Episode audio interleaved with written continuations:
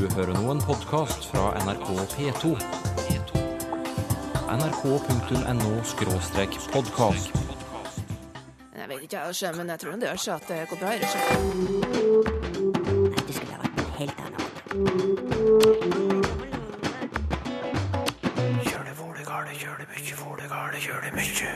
Urindoeuropeisk er opphavet til språk som norsk og engelsk. Tallordet to, engelsk to og eh, norsk to, eller ordet hånd og hand, de må komme fra en eh, felles kilde. Hvordan skape leseglede hos gutter? Vi kan eh, ta med bøker opp i trærne og gjøre det tilgjengelig. Og hvis du får kregda, så stakkars deg. Det er et gammelt navn på meslinger. Hva var opprinnelsen til det språket vi snakker i Norge i dag? Hvordan hørtes det ut? Kanskje slik? Hou ik hos mij, hoog nach ne hest, zo hek hom sterkt. Zo grhum wokum wicked, zo meg hum bottom, zo de gemonum hok you bedded. Ho is hekwoipios weokid. De gemonum spekjor. Snakket vi slik for flere tusen år siden? Dette er en rekonstruksjon av urindoeuropeisk. Forskerne er uenige om når språket oppsto, og det er også andre sider ved dette språket de er usikre på, for det finnes ikke noe skriftlig materiale på urindoeuropeisk. Men én ting kan vitenskapen enes om. De moderne indoeuropeiske språkene stammer alle fra urindoeuropeisk. Og siden norsk tilhører de indoeuropeiske språkene, så gjelder dette oss også. Vi skal komme tilbake til rekonstruksjonen du nettopp hørte, men først språkprofessor og runolog Mikael Schulte. Når antar du at urindoeuropeisk ble snakket? Den vanlige, eller den mest populære teorien vil vel gå ut på at uh, urindoeuropeisk ble snakket rundt 5000 til 3000, kanskje 2500 før Krist. Så vi går langt tilbake i tiden da. Mm. Men hvor ble det snakket? Altså Hva slags utbredelse hadde dette språket? Ja, altså Ifølge den, en, mest, en, av de mest populære teoriene ville det være et område i steppene i Sør-Russland. Akkurat der som krigen på en måte nå herjer. Det kunne være et av den en, en, del av dette området. Så vi kan si nord for Kaspihavet og uh, Svartehavet. Store områder, steppeområder, altså. Mm. Av disse indoeuropeerne som bodde der. Seminomader, altså de var halvnomader og hadde søyer og uh, landbruk, jordbruk. Men hvordan kan forskerne beskrive et språk som ikke etterlater seg noe skriftlig materiale?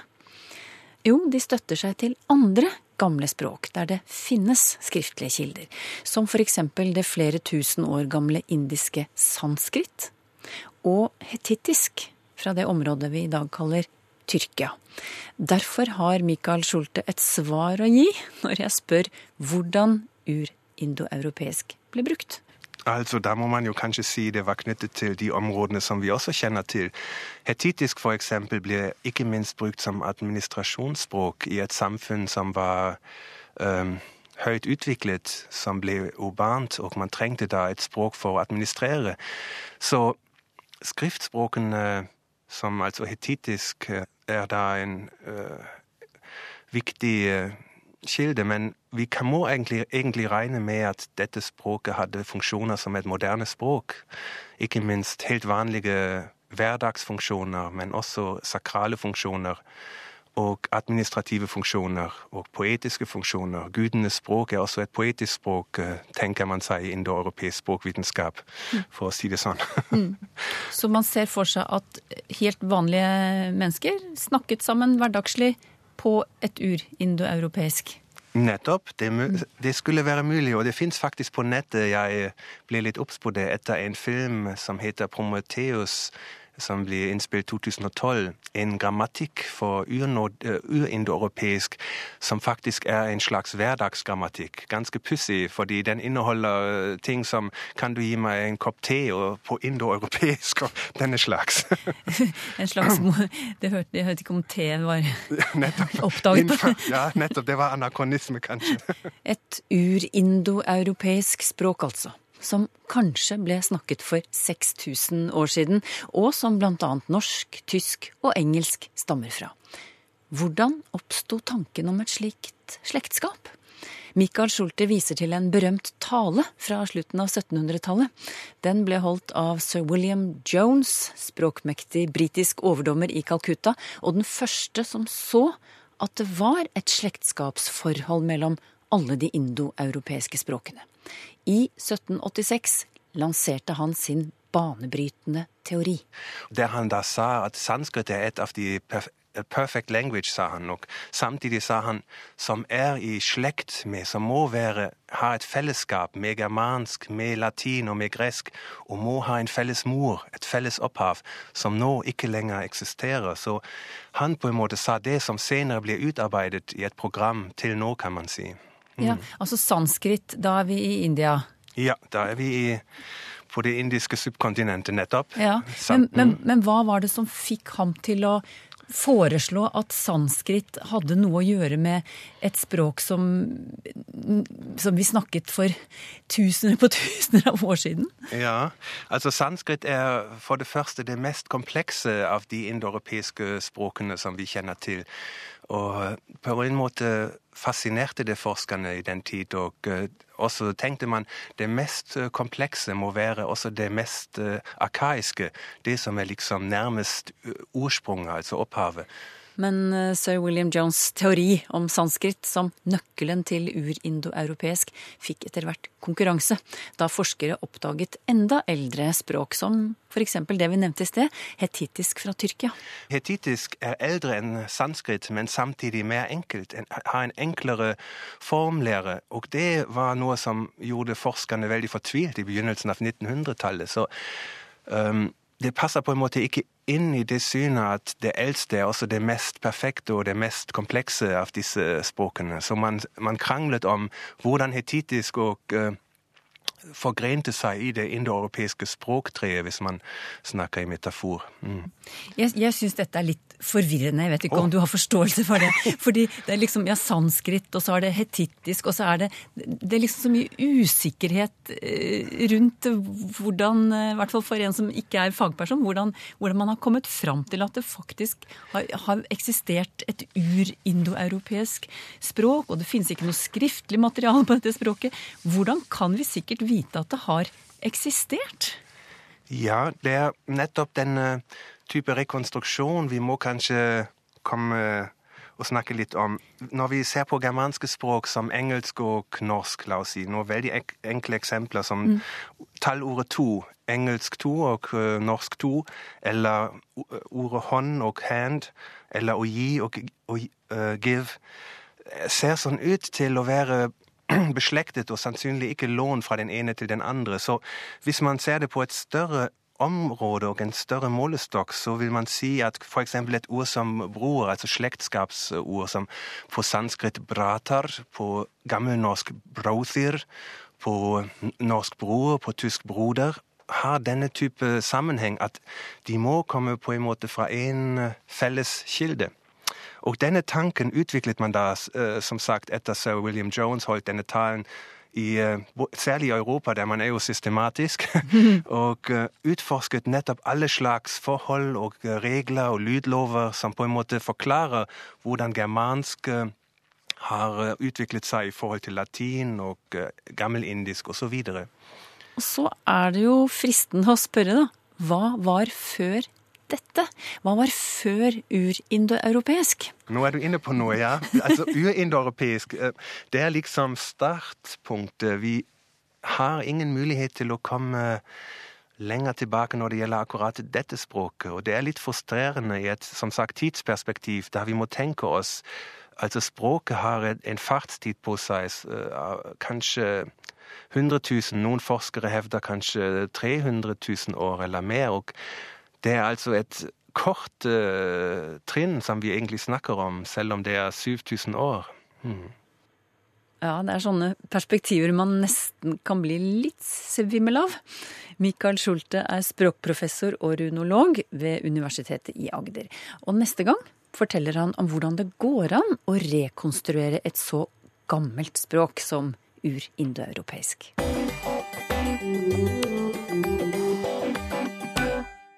Gutter leser dårligere enn jenter, det er forskerne enige om. Også når det gjelder holdninger til lesing, er det forskjell på gutter og jenter. Men hvorfor er det slik? En ny studie viser at allerede før barna begynner på skolen, har jentene et forsprang. Forskere ved Lesesenteret i Stavanger har bl.a. fulgt over 1000 barnehagebarn i kommunen. Undersøkelsen er en del av det store Stavanger-prosjektet Det lærende barnet. Elisabeth Brekke Stangeland, du er en av dem som er med å analysere dette enorme materialet. Akkurat nå skal vi konsentrere oss om observasjoner av treåringer i, i barnehagen. Og hva er det du ser som gir jentene dette forspranget når de senere skal lære å lese? Jo, det som vi finner i vår studie, er at gutter ligger litt lenger bak jentene når vi har analysert data knyttet til språklig bevissthet. Vi finner òg at jenter scorer litt høyere enn gutter når det kommer til det å delta og vise interesse for å lese i bildebøker, være med i sangleker, rim og rytme og regler i barnehagen. Mm. Du nevnte språklig bevissthet, at guttene scorer lavere der. Hva er egentlig språklig bevissthet? Hva snakker vi om da? Jo, litt sånn eh, forenkla sagt så handler det om å ta et utenfra-perspektiv på språket. Eh, det vil si at eh, barnet skifter oppmerksomheten fra innholdet i språket til å eh, se på formsiden. Et eksempel på det er gjerne når barnet begynner å tulle og tøyse med språket og oppdager at ord rimer, eller at det er vanskelig og hemmelig har noe felles. Det er eksempler på språklig bevissthet. Mm. Men, men, hva er det som er fordelen ved å, å, å øve seg opp i, i det, da? Jo, det, det, er en ferdighet som er viktig eh, for når vi skal begynne å lære å lese. Eh, og det er en forløper til dette her å oppfatte at det er en sammenheng mellom lyden og symbolet, eller bokstaven. Eh, og dette utvikles jo ikke av seg sjøl. Så dette er noe f.eks. barna da kan utvikle i, i barnehagen. Fortell oss litt i hvilke situasjoner er det jentene da legger grunnlaget for å bli de beste leserne. Eh, du har nevnt nå språklig bevissthet, du nevnte andre ting. Hva, hva er det de holder på med i barnehagen eh, når de får, får disse kunnskapene? Eh, som de aktivitetene som jeg nevnte nå, som rim og rytme og regler, og det å snakke om språk, og det å være med i sangleker, og, og kanskje spesielt dette med å lese og snakke om det vi har lest om, et typisk eh, scenario fra barnehagen er gjerne det at eh, jentene sitter rundt bordet sammen med andre barn og voksne og perler og tegner og, og snakker sammen. Mens mm. guttene kanskje da velger andre aktiviteter som er litt mer sånn motoriske. Springe ut og leke og sykle og er i sandkassen og ja. ja. Er det slik at eh, det dere finner i, gjennom disse observasjonene i barnehagen, er det en forklaring på det vi ser opp gjennom skoleløpet, at guttene hele tiden ligger bak jentene når det gjelder å beherske og lese, og, og også når det gjelder positive holdninger til eh, lesing? Nei, men, det er for tidlig å si om at det er en direkte sammenheng, for det har vi ikke fått forska videre på ennå. Det kommer vi jo til å gjøre. Eh, men vi tror at eh, den trenden, hvis den trenden som vi ser nå hos treåringene opprettholdes, så er dette i alle fall ikke med å bidra til å tette det gapet som er mellom gutter og jenter. Men guttene som da er ute og tumler rundt og holder på i sandkassen og klatrer i trær eh, og ikke får med seg disse språkaktivitetene som du kaller dem, eh, skal de slutte med det de holder på med da? Nei, ikke i det hele tatt. Og vi er jo veldig stolte og glad i denne skandinaviske barnehagetradisjonen som vi har her i Norge. Mm. Barnehagen er en bra plass å være, eh, men en av de tingene som står sentralt i vår barnehagetradisjon, er dette med frilek. Og det er bra, men kanskje baksiden av det er at eh, ungene kan få lov til å velge seg ut av ting som de gjerne har godt av. Og du mener det er det guttene eh, gjør? Ja, selvfølgelig ikke alle, men det er en trend som, som viser det at eh, gutter kan, kan, gjerne velge seg ut av de aktivitetene der. Mm. Du, du, har et regnestykke som sier noe om um, disse skjevhetene mellom gutter og jenter når det gjelder eh, ja, på en måte bli utsatt for språkstimulering i, barnehagen? Hvordan er det regnestykket? Eh, ja, det, det regnestykket der har jeg henta fra en bok som heter Lesefrø. og Der eh, skisserer de opp at det sier at det, en jente som sitter rundt bordet og snakker og perler og eh, blir bada i språk på den måten der, eh, får denne her tiden her sånn ca. 15 minutter hver dag der gjerne Ole velger seg ut av det og, og leker og sykler og har det gøy, og sånn som han skal ha òg. Men eh, i løpet av ett år så har hun da fått 50 timer med denne her språkstimuleringen som Ole går glipp av. Eh, og i løpet av hele barnehagetiden så utgjør dette her 250 timer. Det er ganske mye. Ja. Men hva kan vi da gjøre for at eh, småguttene i barnehagen skal bli bedre lesere på, på skolen. Vi kan jo ikke presse på dem bøker heller, hvis de ikke vil ha dem. Nei. Vi må jo legge det til rette sånn at, eh, at det blir på deres premisser, og at vi vekker interessen eh, på deres premisser. Ja, Hvordan skal det skje? Eh, da kan man gjerne ta med seg en bok ut på tur. Eh, vi, og kan, der kan vi kanskje finne svaret på hvorfor eh, makkene kommer opp av jorda når det regner. Og så slår vi opp i boka, og så finner vi ut det. Eh, eller vi kan eh, ta med bøker opp i trærne og gjøre det tilgjengelig. Mm. Og, og, jeg tror òg det at eh, hjemmet har en viktig rolle. Ja, hva, hva, skal foregå hjemme som ikke foregår i dag? jo, det, det, foregår nok mye bra språkstimulere hjemme òg, men kanskje fedrene kan komme eh, mer på banen. På hvilken måte da? Nei, at De er jo gode rollemodeller i forhold til å være lesere. Og kanskje at pappa og bestefar og onkel skal ta en ekstra lesestund med guttene sine. Sa Elisabeth Bekke Stangeland, stipendiat ved Lesesenteret, som ligger under Universitetet i Stavanger. Og Stavanger-prosjektet, Det lærende barnet, følger altså over 1000 barn fra barnehagealder og til de er ti år.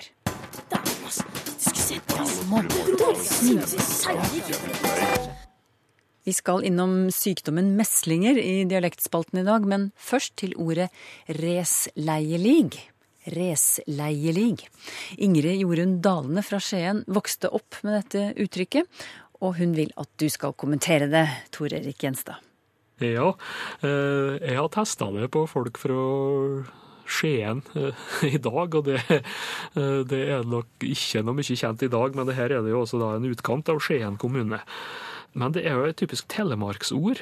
Ikke bare Telemark, det finnes det andre plasser. Det, det, det går i Setesdalen annet. Restleielig.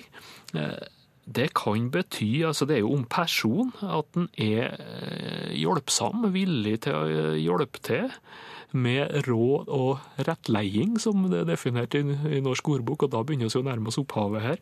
Men også grei å omgås med, grei og rimelig. Og det er jo avleda til verbet å resleie, som egentlig da er å rettleie. Og det er da denne sekvensen TL eh, som blir til SL. Rettleie blir til restleie. Det er akkurat som når litle blir til lisle egentlig samme eh, overgangen som vi har her. Anne Katrine forteller at både moren hennes, mormoren og oldemoren alltid har brukt uttrykket 'å få kregda'. Og det blir brukt i sammenhengen der noe ubehagelig eh, har skjedd. Man kan si 'å, da fikk jeg helt kregda', og så grøsse etterpå. Eh, og nå vil hun vite om dette er et virkelig ord, eller om det er noe hennes slektninger, hennes slekt, har, har funnet på. Hun legger til at familien er fra Nord-Trøndelag og Trondheim. Ja, det er nok sjelden at uh, noen bare har funnet på et ord. altså Det er jo min erfaring at det er, det er som regel reelt. med det, så det kan være omforma og, og omtolka. Men det her er nok et reelt ord. Og kregda er egentlig et sykdomsnavn. Det er et gammelt navn på meslinger, som har vært bruka mange plasser, ikke bare i Trøndelag. Så da kunne en selvsagt få kregda eh, på den måten. Eh, på Nordmøre så var kregda helst bruka om influensa eller forkjølelse. For der hadde de et annet ord for meslinger, det var nemlig sya, eller syå. eh, som henger sammen med å syde, altså koke fordi at den ble varm. Men jeg ser òg at å få kregda er registrert ifra Jæren i norsk ordbok om å bli kvalm eller å få motvilje mot noe, og det er vel litt den eh, betydninga du er borti her, da. Eh, Og så er det òg noe som heter å få krea, eller å få kreo, som de sier ute i Hemne. Og det er jo da å, bli irritert og utålmodig, kanskje helt tullerusk. Så det er nok noen sammenhenger her, men det er vel sykdomsnavnet kregda, som er lik meslinga, som ligger i bunnen. Den gang da, hver gang når. Slik lærte vi det på 50-tallet da jeg hadde norsk i Namsos, skriver Jarle Kotsbakk. Trøndere hadde da, og gjerne nå også, sier han, en tendens til å bruke når der det etter regelen skulle være da. Og Jarle Kotsbakk forteller videre at han flyttet til Hedmark på 60-tallet. Og da oppdaget han at der ble det brukt da når det skulle være når. Så der var forvirringen total.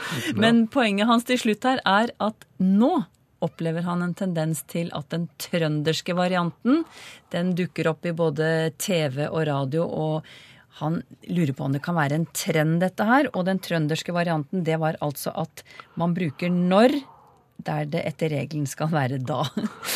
Ja, hva sier du? Eh, Ja, eh, jeg har ikke gode data på akkurat det om det sprer seg. Det er godt mulig, og jeg hører det sjøl òg ganske mye. At en bruker når, altså om fortid som gjelder et enkelt tilfelle. Nå eh, er det ganske gamle belegg på det, faktisk, og ikke bare ifra Trøndelag heller. Kan nevne ett her, en relativt gammel oppskrift fra Hamre i Nordhordland. Maten var ferdig når jeg kom hjem i går. Mm. Ikke sant? Og hvis vi går til Trøndelag, da, så er ikke her for å Røros. Han hadde gått når jeg kom. og da er det jo Og uh, forfatterbelegg, eh, forfatteren Ragnvald Våge bruker det i bok fra 1912, og han og da fra Kvinnherad i Sunnhordland. Nei, så må nå holde kanskje litt talespråk og skriftspråk fra hverandre her, og det, det reglene for det her er litt forskjellig fra dialekt til dialekt. Og en del plasser så er det altså helt kurant å bruke når om et slikt enkelttilfelle i, i fortid. Men eh, som det ser, altså, så er det også kommet inn i skrift, og en etablert og anerkjent forfatter som Edvard Hoem f.eks. bruker når eh, på den eh, måten der. Når jeg først er inne på det her, så kunne det artig også nevne det her med, med når tid i spørsmål. Det er jo nokså vanlig, iallfall i Trøndelag. Altså, når tid kommer du? Og Det ser jeg for meg eh, at det kan være en sammenblanding av når og hva tid. Men når tid det er også gamlere enn jeg skulle tro. Det er allerede Ivar Aasen registrerer den der. Leiv Hartli Andreassen vokste opp i Kvinesdal, og der sa de alltid 'je børsdag' til dem som hadde bursdag. Og selv trodde han i mange år at eh, det het 'je børsdag' fordi det var en dag man ga presanger. Eh, For han sier i dialektuttalen i Kvinesdal så var 'je' det samme som 'gi' eller 'gjeva'. Siden fikk han vite at gebursdag kommer fra tysk 'geburtstag'. Eh, Og nå vil han vite om bursdag var vanlig over hele landet før i tiden, eller om man sa både gi bursdag og bursdag eh, om hverandre. For det første så er det jo helt riktig det at det kommer av tysk geburtstag, der geburt betyr fødsel. Og det har nok vært det vanlige over hele landet, det der tror jeg, i forskjellige uttalevarianter. Men det er jo av og til altså tolka folkeetymologisk som gibortsdag, da. Og det er òg altså, forkorta av og til til bare jebush, eller, eller noe slikt. Men altså vanlig i målføra og mer sjelden i skrift. Eh, Slik uttrykker Norsk ordbok seg i, i oppslaget Jebbursdag. Norsk riksmålsordbok de merker det med familiært og folkelig. Så det er nok eh, veldig muntlig. Bursdag, det er nok forkorta av jebbursdag med, med trykklett førstestavelse, så det er vel egentlig samme opphavet. Jeg tror ikke det har noe direkte å gjøre med, med engelsk birthday. Eh, Og det kan ha skjedd i eh, barnespråk, den forkortinga der. Ellers har jeg noe inntrykk av, hvis jeg skal ta med et eget talemål. At eh, det, det er gebursdag som er det tradisjonelle, og så har bursdag kommet inn litt i nyere tid. Så det kan jo være forskjell på eldre og yngre her. Berit Jons husker at småjentene i Nord-Odalen på 30- og 40-tallet hadde en ballek som de kalte for å munke.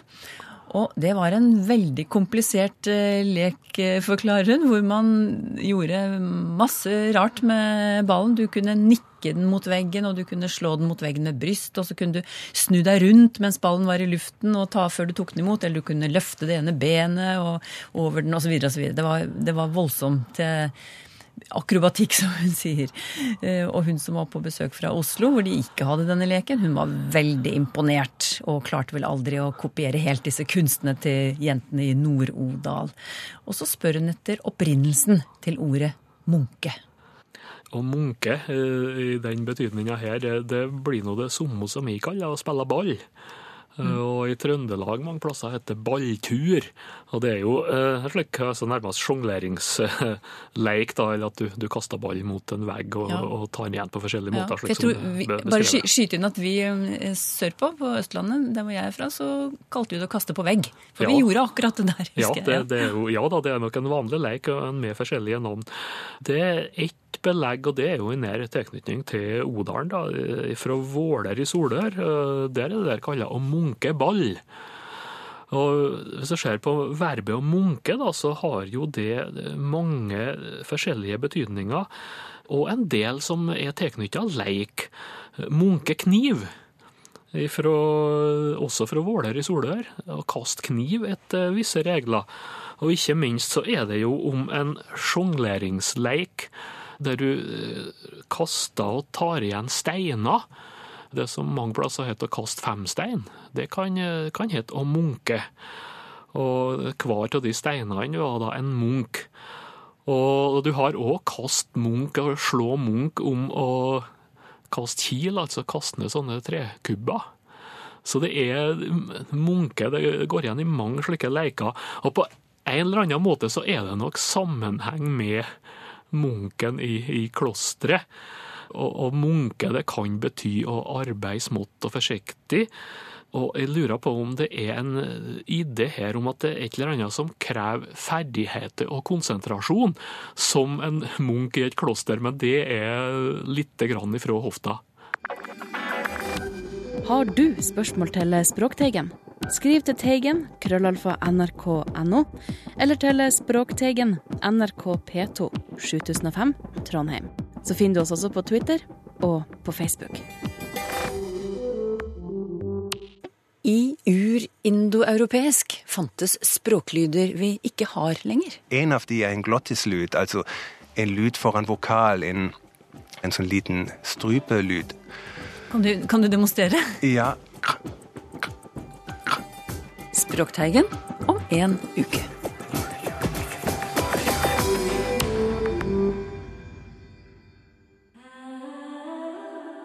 nrk.no podkast.